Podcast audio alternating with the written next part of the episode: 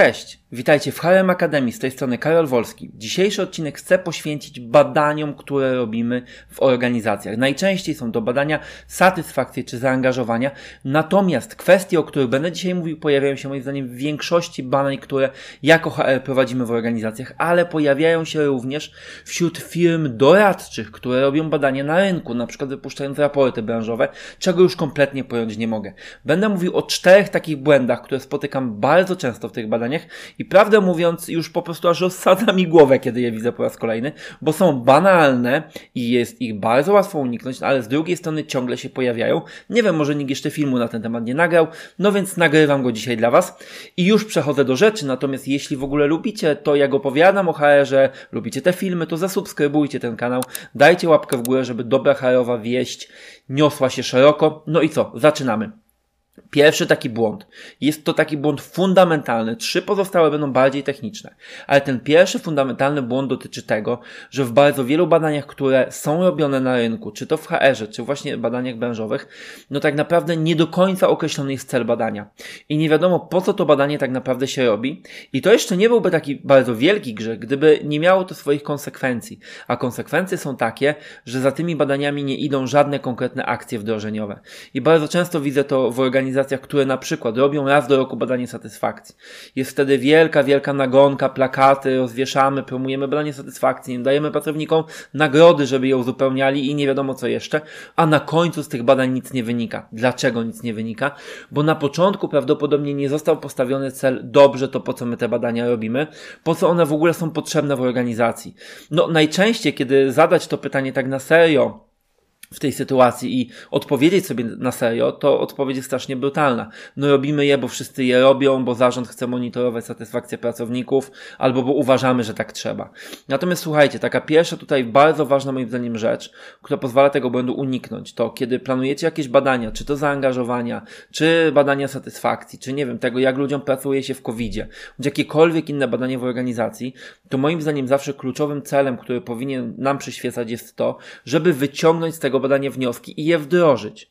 No bo same dane w organizacji, nawet najfajniejsze, z najlepszych systemów i najlepszych badań, nie dają nam kompletnie nic, jeśli my tych wniosków z tych badań, analiz, czy cokolwiek tam zrobimy, nie wdrażamy w życie.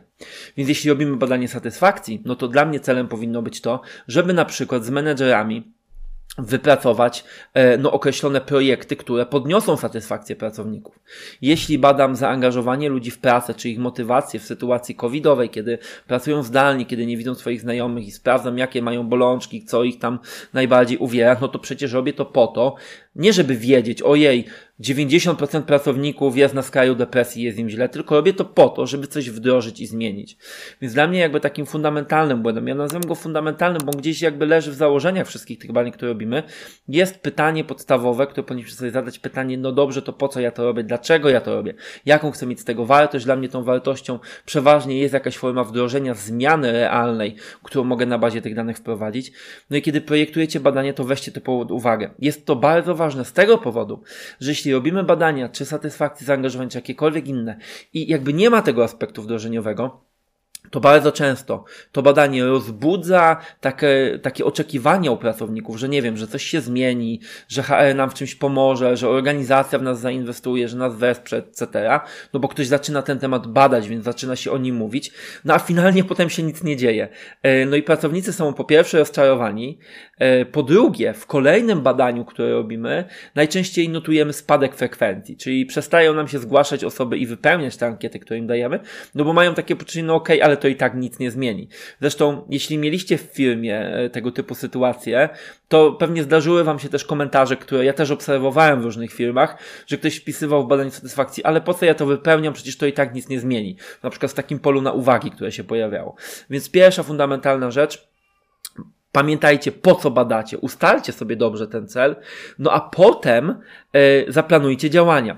I to się tyczy moim zdaniem również też raportów branżowych, które się pojawiają, w których bardzo często po różnych badaniach takich przeglądowych, gdzie jest wiecie masa wykresów słupkowych, kołowych, zresztą brzydkich kołowych i tym podobnych rzeczy, nie ma konkluzji. No dobrze, to co drogi pracodawco, co drogi HR-owcu, nie wiem, logistyku i tak dalej, który czytasz ten raport, powinieneś teraz z tymi danymi zrobić, co z nich wynika, jak jakie rzeczy Ci rekomendujemy do wdrożenia, jeśli w Twojej firmie jest podobnie tak jak w tym raporcie. Więc moi drodzy, badania, e, jakiekolwiek byśmy robili w organizacji, nie mówię tu o badaniach podstawowych w nauce, bo to jest zupełnie inna kwestia. Je często robi się czysto z poznawczej ciekawości, chociaż też coraz rzadziej. E, ten aspekt aplikacyjny coraz mocniej wchodzi nawet do badań podstawowych, które z definicji gdzieś go nie mają. Natomiast e, no, w biznesie to jest super istotne, tak, żeby z tego szły wnioski. I to jest pierwszy fundamentalny błąd. Trzy pozostałe, o których chcę Wam powiedzieć, są zdecydowanie, ale to zdecydowanie bardziej techniczne. Kiedy już robicie badania, że tak powiem, są dużo mniejszego kalibru, natomiast e, no, są popełniane bardzo często i przez to bardzo wiele danych, które jest zebranych, po prostu jest strasznie słabej jakości i czasem jak dostaję takie dane do analizy, e, bo firmy zgłaszają się też do mnie z tym, żebym po prostu pomógł im przeanalizować dane i z przyjemnością to robię. Natomiast jak te błędy są popełnione, to po prostu mówię, to słuchajcie, ale no, no niestety ileś tam tych danych zostało zmarnowanych No i teraz pierwszy z takich technicznych błędów, o których warto pamiętać i który zdarza się strasznie często, to jest błąd, który mógłbym nazwać jako tworzenie kategorii do jakichś pytań, e, ad hoc, czy tak z głowy tworzenie tych kategorii. No podam Wam przykład. W bardzo wielu badaniach e, satysfakcji robimy na przykład takie pytanie, no dobrze, to jaki jest Twój staż pracy u nas? Kiedy to jest badanie anonimowe oczywiście i tego nie wiem o pracowniku. Albo Przepraszam, w jakim wieku jesteś. No i tam najczęściej, co mnie strasznie dziwi, dostajemy do wyboru kategorię. Nie wiem, pracuję e, do pół roku, od pół roku do roku, od dwóch lat do pięciu lat, od pięciu lat do dziesięciu, powyżej dziesięciu. I moi drodzy, to jest bardzo złe podejście. Nie twórzmy takich kategorii, do zmiennych, które mają charakter liczbowy, które mają charakter ciągły, ad hoc czy a priori przed badaniem. To jest po prostu błąd. Dlaczego jest to błąd? Ano jest to błąd dlatego, że kiedy mierzycie tą zmienną, mówiąc pracownikowi po prostu, słuchaj, ile masz lat, wpisz e, liczbę, albo jak długo u nas pracujesz, wpisz ile lat, konkretną liczbę, nawet po przecinku ktoś może wpisywać, to zyskujemy dużo większy, dużo większe spektrum możliwych odpowiedzi. Jeśli dajemy komuś kategorię, no to on się musi zaklasyfikować do którejś z tych kategorii. I jeśli te kategorie są jeszcze równe, mają równą szerokość, na przykład co rok, to z Bogiem sprawa, albo co dwa lata. Natomiast zobaczcie, jeśli ja mam kategorię od zera do pół roku, czy po prostu do pół roku, od pół roku do, nie wiem, dwóch lat na przykład, od dwóch lat do pięciu lat, to te kategorie mają różną szerokość. Co biorąc pod uwagę potem analizę tych danych, wykorzystanie różnych technik analitycznych, sprawia bardzo, bardzo duże problemy. Co więcej, robiąc to, tracicie dane, bo jeśli ktoś wpisuje, ma na przykład do wyboru te dwie kategorie, do pół roku, a potem od pół roku do dwóch lat i pracuje półtora roku i mógłby wpisać to 1,5 5, to mamy tą informację. Natomiast jeśli on pracuje półtora roku i po prostu wpadnie w kategorię od pół roku do dwóch lat, to my nie wiemy, ile on pracuje. My wiemy, że jest w tym przedziale, natomiast nie wiemy, ile dokładnie. Więc jest to po prostu strata informacji. Tak, więc jakby taka rada, jak do tego podejść, jak unikać tego błędu? Ano w strasznie prosty sposób. Jeśli macie jakiekolwiek pytanie właśnie w stylu, ile u nas pracujesz, albo w jakim wieku jesteś, takie pytanie, które jakby bazowo e, odpowiedź na to pytanie jest po prostu skalą ciągłą, która jest wyrażona jakąś konkretną liczbą, to nie róbcie kategorii. Po prostu dajcie ludziom miejsce na to, żeby wam tą liczbę wpisali. Ograniczcie sobie, żeby w to pole na przykład dało się wpisać tylko liczbę. No i tyle. Jakby sprawa załatwiona. Jak będziecie potrzebować tych kategorii, to sobie je zrobicie potem na etapie analizy danych, czy to w Excelu, czy w Power BI, czy w czymkolwiek tam innym będziecie te dane robić, e, obrabiać, ale zauważcie, będziecie mieli tą informację. Jeśli na przykład będziecie chcieli potem wykonać analizę korelacji, albo regresji pomiędzy, nie wiem, tym jak e, staż pracy wiąże się z satysfakcją, to macie dużo lepsze dane, żeby zrobić tą analizę, niż jeśli poszatkowaliście sobie e, te dane na kategorie na poziomie kwestionariusza. Prosta rzecz, a powiem Wam, E, strasznie rzadko widzę badanie, które ma to zrobione od początku dobrze, co w ogóle jest dla mnie niesamowite, bo moim zdaniem dużo łatwiej jest zadać pytanie, ile masz lat i zostawić, powiem brzydko, dziurę na wpisanie tej wartości, niż układać pięć kategorii czy sześć i wymyślać, jakie to mają być kategorie. Szczerze nie ogarniam, no ale może po tym filmie to się zmieni, e, oby tak było. To był drugi błąd, pierwszy z takich technicznych. Teraz drugi, e, kolejny błąd taki techniczny, również dotyczy kategorii. Czasem jest tak, że na przykład badacie coś i chcecie, żeby ludzie wybrali wam spośród, nie wiem, 15 kategorii 5, które się do nich odnoszą najbardziej. No i jakby w porządku takie pytanie się zdarzają, mają swoje plusy, mają minusy. Natomiast to, na co chcę wam zwrócić uwagę dzisiaj, to jest to, skąd my bierzemy te kategorie, które pod tym pytaniem się pojawiają. No bo na przykład ja mogę zadać pytanie, co najbardziej motywuje cię w pracy? Nie wiem, wybierz 5 głównych motywatorów i wypisuję tutaj te e, różne motywatory. I teraz jak to wygląda bardzo często? E, jak to wynika z mojej praktyki, jak e, w różnych e, organizacjach się to dzieje, a niestety też w badaniach czy firmach badawczych, które robią badanie na rynku. Skąd się biorą te kategorie? Czy jak to się mówi językiem badawczym, kafeteria odpowiedzi? Ano najczęściej z głowy, czyli z niczego, jak pisał Stanisław Żylec, osoby układającej to pytanie. No i to jest olbrzymi błąd. No bo ja zadaję pytanie, no jakie są główne motywatory? No i wypisuję sobie. No to wypisuję to, co mnie przyszło do głowy.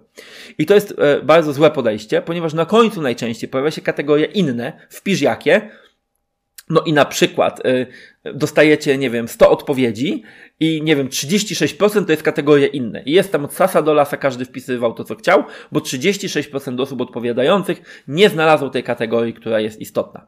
Mm. No więc jeśli 36% odpowiada inne, no to jaką wartość nam daje to badanie, tak? E, to znaczy wprost, że my nie zaprojektowaliśmy dobrze tej kafeterii odpowiedzi. I teraz skąd wziąć tą kafeterię, jeśli nie ze swojej głowy? No i moi drodzy, tutaj przychodzą z pomocą badania naukowe. I to jest ten moment, kiedy powinniśmy wejść w wyszukiwarkę Google Scholar, Web of Knowledge, czy jakąś inną wyszukiwarkę danych czy artykułów naukowych i zobaczyć w badaniach na przykład metaanalitycznych, jakie kategorie się bierze pod uwagę. Jeśli ja badam czynniki, które wpływają na motywację, to jest na ten temat setki, tysiące badań, również kilkanaście pewnie dobrych metaanaliz, które pokazują główne motywatory, jakie ludzie mają w pracy.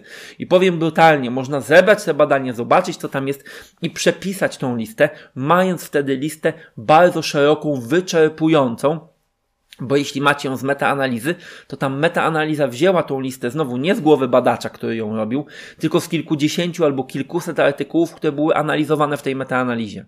Więc wtedy zyskujecie te kategorie, które są zwalidowane w badaniach naukowych, pojawiały się w bardzo wielu badaniach i są świetnym punktem startu do tego, żebyście je wrzucili do tej swojej ankiety.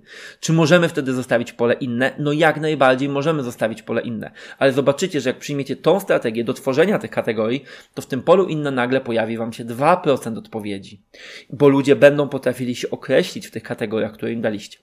Prosta rzecz, e, podsumowując, nie bierzmy kategorii, które dajemy do odpowiedzi z naszej głowy, tylko bierzmy je na przykład z wyników badań naukowych, najlepiej metaanalitycznych, bo one będą integrowały większą liczbę różnych badań ze sobą. Prosta rzecz, ale wierzcie mi wpłynie na jakość badań, które robicie. I ostatni błąd techniczny, o którym chcę Wam dzisiaj powiedzieć, który pojawia się strasznie często, strasznie często, nie, po prostu pojawia się w wielu badaniach, które obserwuję, to jest błąd na poziomie tego, jak formułujemy pytanie, które ktoś dostaje do odpowiedzi w kwestionariuszu. I tym błędem jest tak zwany błąd koniunkcji, czyli tego, że w jednym pytaniu używamy spójnika i albo oraz, czy innego spójnika, który ma podobne znaczenie i łączymy w pytaniu jednym tak naprawdę dwa różne pytania. Na przykład, jestem zadowolony z relacji z szefem i atmosfery w zespole. No tu bardzo tą koniunkcję widać, natomiast niektóre są dużo bardziej subtelne. Na przykład, E, jestem zaangażowany i zmotywowany. No wiecie, dla jednego zaangażowanie i motywacja to będą dwie różne rzeczy.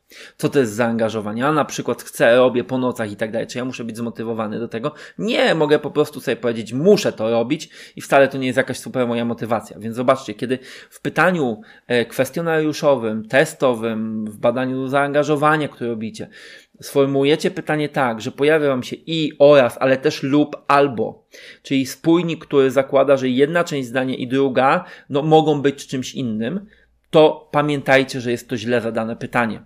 Nawet jeśli ta lewa i prawa strona wydaje Wam się ze sobą tak naprawdę równoważna. Dla Was ona może być równoważna, ale dla odpowiadającego wcale nie musi. Na przykład, tak jak w tym e, zdaniu, które Wam powiedziałem, jestem zmotywowany i zaangażowany, albo zaangażowany i zmotywowany.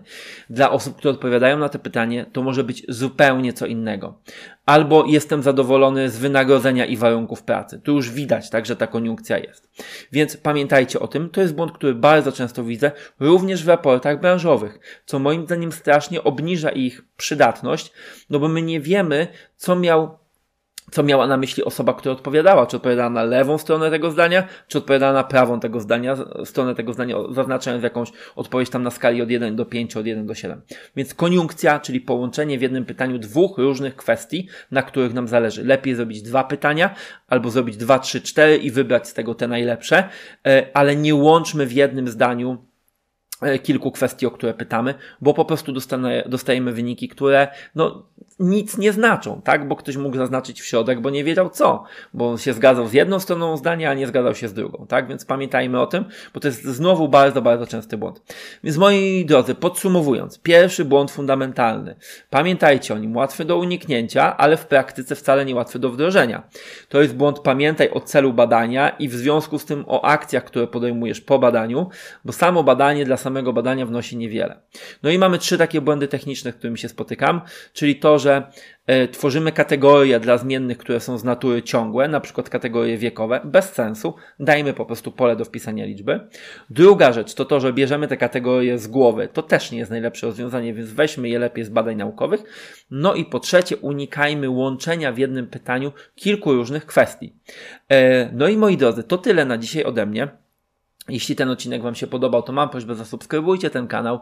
E, zerknijcie też do linków, które są e, w opisie tego filmu, bo znajdziecie tam na przykład link do naszego newslettera, w którym systematycznie dzielę się tego typu treściami z zakresu HR-u. No więc jeśli Wam się podobało, to po prostu zostańcie ze mną, a za dzisiaj Wam dziękuję i do zobaczenia. Cześć!